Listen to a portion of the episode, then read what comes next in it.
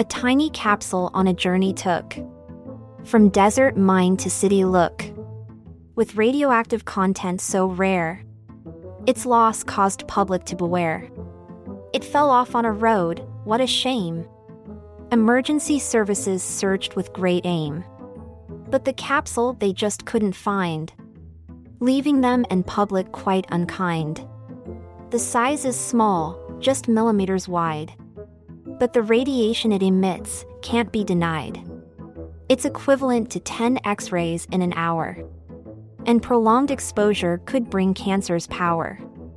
The Western Australia Emergency Services, in a call, sought help from other states and federal, standing tall. For the cesium 137 ceramic source, so bright, could cause skin burns, such a frightful sight. The chief executive of the mining giant Rio Tinto Iron Ore, Simon Trott, took this with much more. He apologized for causing such concern and promised to rectify and return. With efforts of the government, the states, and all, the capsule was found and the public had no fall. The danger of radiation was put to rest. And the CEO, Simon Trott, with his apology was blessed. So let this be a lesson to us all.